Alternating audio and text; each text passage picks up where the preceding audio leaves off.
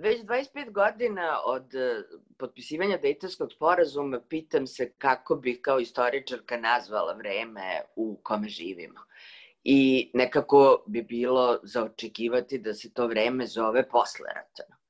Ali sve kad bismo analizirali, kad bismo analizirali način na koji se govori, diskurse, narative, kako se to kaže, šta se dešava na komemoracijama, šta se dešava na proslavama, onda bismo pre ovo vreme mogli da nazovemo međuratno ili da još zaoštrim predratno. Postavlja se pitanje zašto je to tako i na koji je to način povezano sa načinom na koji su jugoslovenski ratovi završeni. Pre svega rat u Bosni i Hercegovini, ali i e, bombardovanje iz 1999. godine.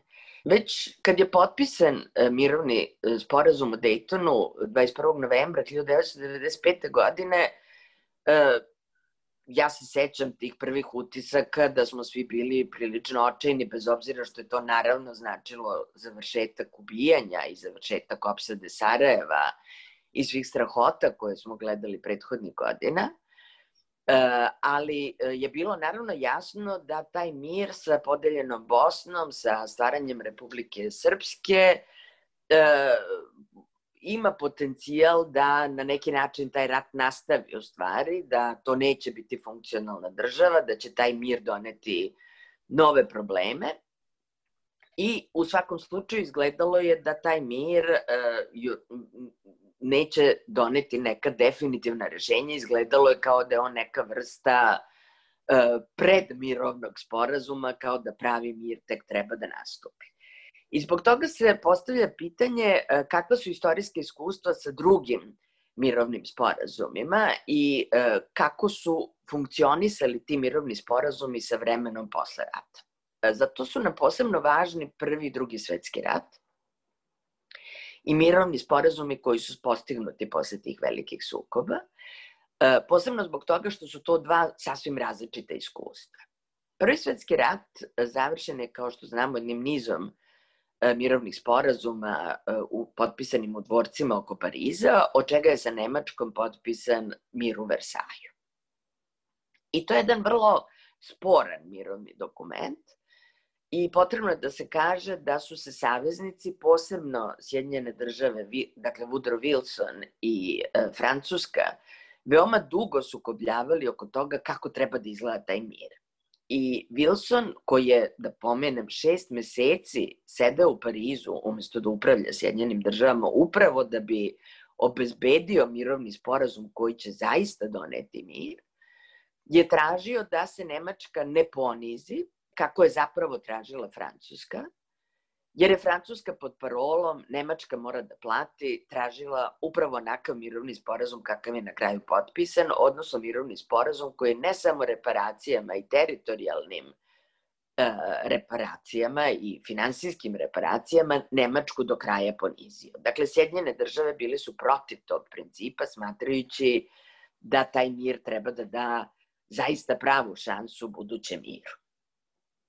I taj ta ideja ostvarena je u stvari posle drugog svetskog rata, s tim što naravno treba da imamo u vidu da su i Nemačka i Japan do temelja srušene i da su obe zemlje ostale pod okupacijom od strane pobedničkih sila, ali ako zanemarimo te činjenice, ono što je važno kad govorimo o miru, to je činjenica da e, su ovi mirovni ugovori e, posle drugog svetskog rata uspostavljeni na jednom, na jednom drugom principu, na jednom principu novog savezništva, da je to značilo pružanje ruke, kako su Amerikanci govorili, onoj dobroj Nemačkoj. Naravno da je za to bio potreban novi kontekst, naravno da je hladni rat počeo odmah po završetku drugog svetskog rata i da je bilo potrebno naći nove saveznike i u Evropi protiv Sovjetskog saveza i na dalekom istoku protiv Kine u kojoj je pobedila komunistička revolucija, pa su u tom smislu takođe Nemačka i Japan vrlo brzo postali saveznici e, pobednika drugog svetskog rata, ali to nije bilo dovoljno. Dakle, bio je, e, bio je potreban taj novi koncept mira u kome se traži uh, jedan novi odnos sa poraženim silama, odnos koji će obezbediti, kako su Amerikanci govorili, jedan stabilniji i trajniji mir. Zato je potrebno sada kad govorimo o 25 godina Daytona da vidimo uh, kakvi su mirovni sporazumi potpisani posle jugoslovenskih ratova i kako su se završili jugoslovenski ratovi. Znači, kao što znamo, e, Dayton jeste prekinuo ubijanje u Bosni i Hercegovini, ali je stvorio ovu disfunkcionalnu Bosnu, ostavio je mnoge svesne i namerne nejasnoće, uključujući neka sasvim monstruozna rešenja, kao što je činjenica da je Srebrenica posle genocida pripala Republici Srpskoj. Na sličan način završilo se i bombardovanje 99. godine. Dakle, e, sporazumom u Kumanovu obustavljena su ratna dejstva, što je naravno svima nama mnogo značilo, ali je i taj e, sporazum ostavio čitav niz nejasnoća i to upravo onih nejasnoća s kojima se mi evo već 21 godinu borimo i koje, zahvaljujući kojima u stvari nije došlo do e, definitivnog sporazuma između Srbije i Kosova, nije došlo do rešenja kosovskog pitanja. Prema tome e, i tu imamo neki produženi konflikt kao što to imamo i u Bosni i Hercegovini posle Dejtonskog sporazuma. Ono što je bitno za oba sporazuma, to je da su više manje iste elite ostale na vlasti. Znači, u Bosni i Hercegovini uh, su nepromenjene elite. Evo, tek ovi prvi lokalni izbori su možda doveli do nekog pomeranja. Na Kosovu je naravno elita koja je dobila rat ostala na vlasti i tek sad se postavlja pitanje ratnih zločina kroz ova najnovija suđenja u Hagu. U Srbiji kao jeste došlo 2000. godine do promene i kao jeste pao Milošević, međutim uvek je bio problem i o tome smo toliko puta govorili, što nove elite posle 2000. godine su u stvari nastupale sa istog nacionalističkog pro, programa kao Milošević i što nikada posle 2000. godine nije došlo do preispitivanja srpskih ratnih ciljeva koji su Srbiju i odveli u rat e, 91. godine. Prema tome, suštinski nije došlo do preispitivanja svega onoga što se desilo u ratovima, na isti način kao što ni u Vajmarskoj republici, koja je značila veliku političku promenu, nije došlo do preispitivanja nemačke uloge i njene odgovornosti u Prvom svetskom ratu. I samim tim, vrlo brzo u Vajmarskoj republici pojavile su se revizionističke struje koje su govorile o nepravdi prema Nemačkoj, o tome da je Nemačka žrtvovana, da i ona samo vodila odbrambeni rat, dakle na jedan način nama veoma poznat e, i posle 2000. godine u Srbiji, dakle od onog trenutka kada se vi ne suočite sa sobstvenom odgovornošću kreće i proces revizije. Zbog čega sam uopšte ovde uh, u ovaj razgovor o Daytonu uvela uh, pitanje mira posle drugog, prvog i drugog svetskog rata. I tu sada može da nam pomogne hrvatski slučaj, koji se bitno razlikuje i od bosansko-hercegovačkog i od uh, slučaja Srbije. Zbog toga što je izgledalo da je operacijom Oluja Hrvatska ostvarila sve svoje ratne ciljeve.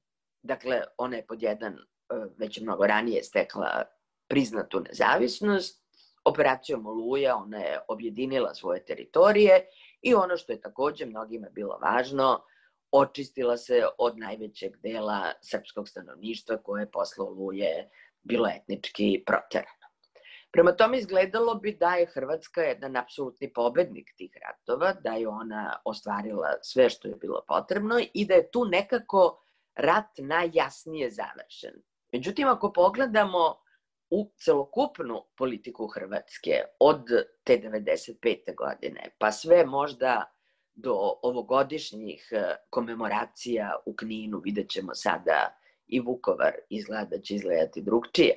Ali znači za svih ovih 25 godina e, diskurs u Hrvatskoj, moć koju su imali branitelji, e, način na koji se vodila politika je bio veoma uporediv i sa Bosnom i Hercegovinom i sa Srbijom. Dakle, Hrvatska se nije ponašala kao zemlja koja je izašla iz tog rata, okrenula se ka budućnosti i završila sa svim onim pričama koje su u ratu uvele i u ratu držale, već je izgledalo da i ona kao i svoje kao i njene susedne zemlje ostaje da se uh, na neki način valja u blatu toga rata i ne može iz njega da izađe. I zato nam je važno ona priča o Prvom i Drugom svetskom ratu, zato što ovde vidimo države koje su na različite načine izašle iz ratova, koje su dobile različite, uh, različita rešenja i mirovne sporazume, gde je neko mogao da se oseti kao pobednik, neko je mogao da se oseti kao poraženi, ali su, bez obzira na sve to, sve tri zemlje ili četiri zemlje ili sve bivše jugoslovenske zemlje na neki način nastavile da se ponašaju kao da rat još uvek traje, kao da ga nisu zaista napustile i kao da se nikada nisu okrenule ni svoje sadašnjosti, a kamoli svoje budućnosti. Naravno da je za tu situaciju veoma kriva međunarodna zajednica, naročito u Bosni i Hercegovini, koja je još uvek pod nekom vrstom protektorata, gde ni ti protektori, ni strane vojske nisu uspeli da pomognu toj državi da postane e, zaista funkcionalna i da, da, da krene novim putem. Ali ja se ne bih sada bavila međunarodnom zajednicom, jer mislim da oni nisu najvažniji krivci. Mislim da su najvažniji krivci za ovo o čemu govorim društva u državama nastalim raspadom bivše Jugoslavije, društva koja su pokazala da ne žele da izađu iz tog konfliktnog stanja, da nemaju snage da dođu do novih odgovora, društva koja svakodnevno pokazuju da im prija da žive u partijskoj državi, da im prija da žive u stanju nevladavine prava, da je to nekako njihov dubinski izbor, da je to ono što danas zovemo kulturna intimnost, dakle način na koji se mi prepoznajemo međusobno, da je to ono što danas zovemo neformalni način na koji funkcionišu te države. E sad se postavlja jedno prethodno pitanje, a to je pitanje zašto je uopšte došlo do ratova u Jugoslaviji. Jer kao što svi znamo i kao što je toliko puta ponovljeno, Jugoslavija imala najbolju poziciju da posle 89. godine i kraja hladnog rata odmah uđe u Evropsku zajednicu iz tog vremena, da odmah dobije izuzetno velike investicije u vreme Ante Markovića, da kao najspremnije u tržišnom smislu vrlo brzo uleti u tu evropsku i svetsku ekonomsku utakmicu i da svoj sistem preobrati kroz jednu ubrzanu političku tranziciju za koju imala mnogo bolje uslove od zemalja Istočne Evrope, ali kao što znamo, e, njena društva, njene različite društvene i političke elite odlučile su se za ratove. Znači, postavlja se pitanje zašto se to dogodilo i mislim da je tu najtačnija diagnoza, ako tako mogu da kažem, Latinke Perović, koja je od uvek govorila da nacionalizam nije uzrok jugoslovenskih ratova. Nacionalizam je alatka, nacionalizam je sredstvo da elite koje su ščepale vlast zadrže tu vlast da, i da se ova društva na kraju ne promene. Dakle, nacionalizam je upotrebljen po toj teoriji Latinke Perović da bi se napravili ratovi Ratovi koji će obezbediti ovu sada već 30 godina dugu vlast ratnih elita, njihovu apsolutnu moć, ali i da bi društvima omogućili da ostanu u toj toploj, zaštićenoj, e, poznatoj situaciji i da se ne promene.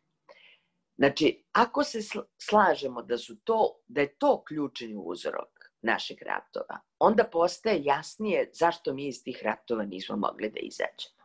Jer u krajnjoj liniji to jeste bio ključni ratni cilj po toj teoriji.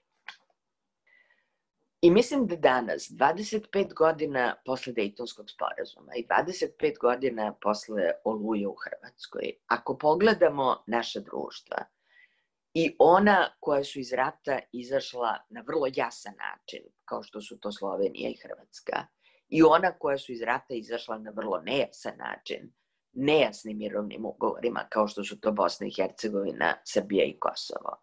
I oni koji su u Evropskoj uniji, kao Slovenija i Hrvatska, i oni koji nisu u Evropskoj uniji, kao ostatak e, država Zapadnog Balkana.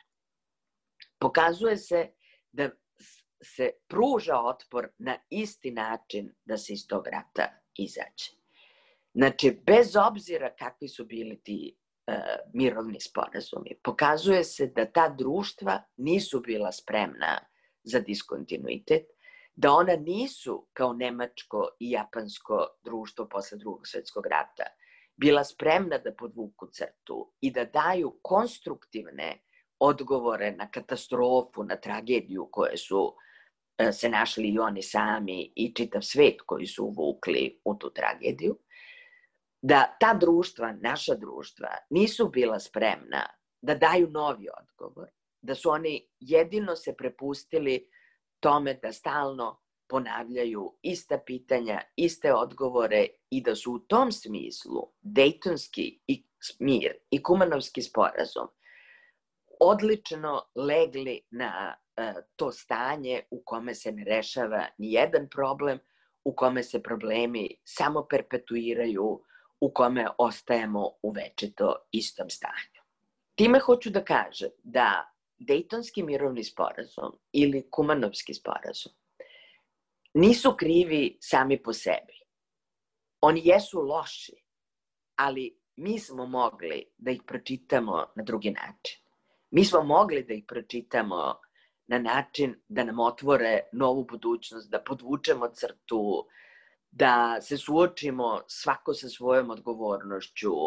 Oni su loši u toliko što su nam dali šansu da ih protumačimo kao večno vraćanje istog. Oni su nam dali šansu da ne izađemo iz ratova, ali je odgovornost najveća na našim društvima koji su te te mirovne sporazume pročitali tako da oni daju tu priliku, a ne priliku da krenemo u novu sadašnjost i novu budućnost na jedan potpuno novi način. Svake buduće izbore, kao što su evo sada pokazali izbori, lokalni izbori u Bosni i Hercegovini, treba koristiti da se upravo e, postave nova pitanja i da se ti mirovni sporazumi pročitaju sada konačno na drugi način.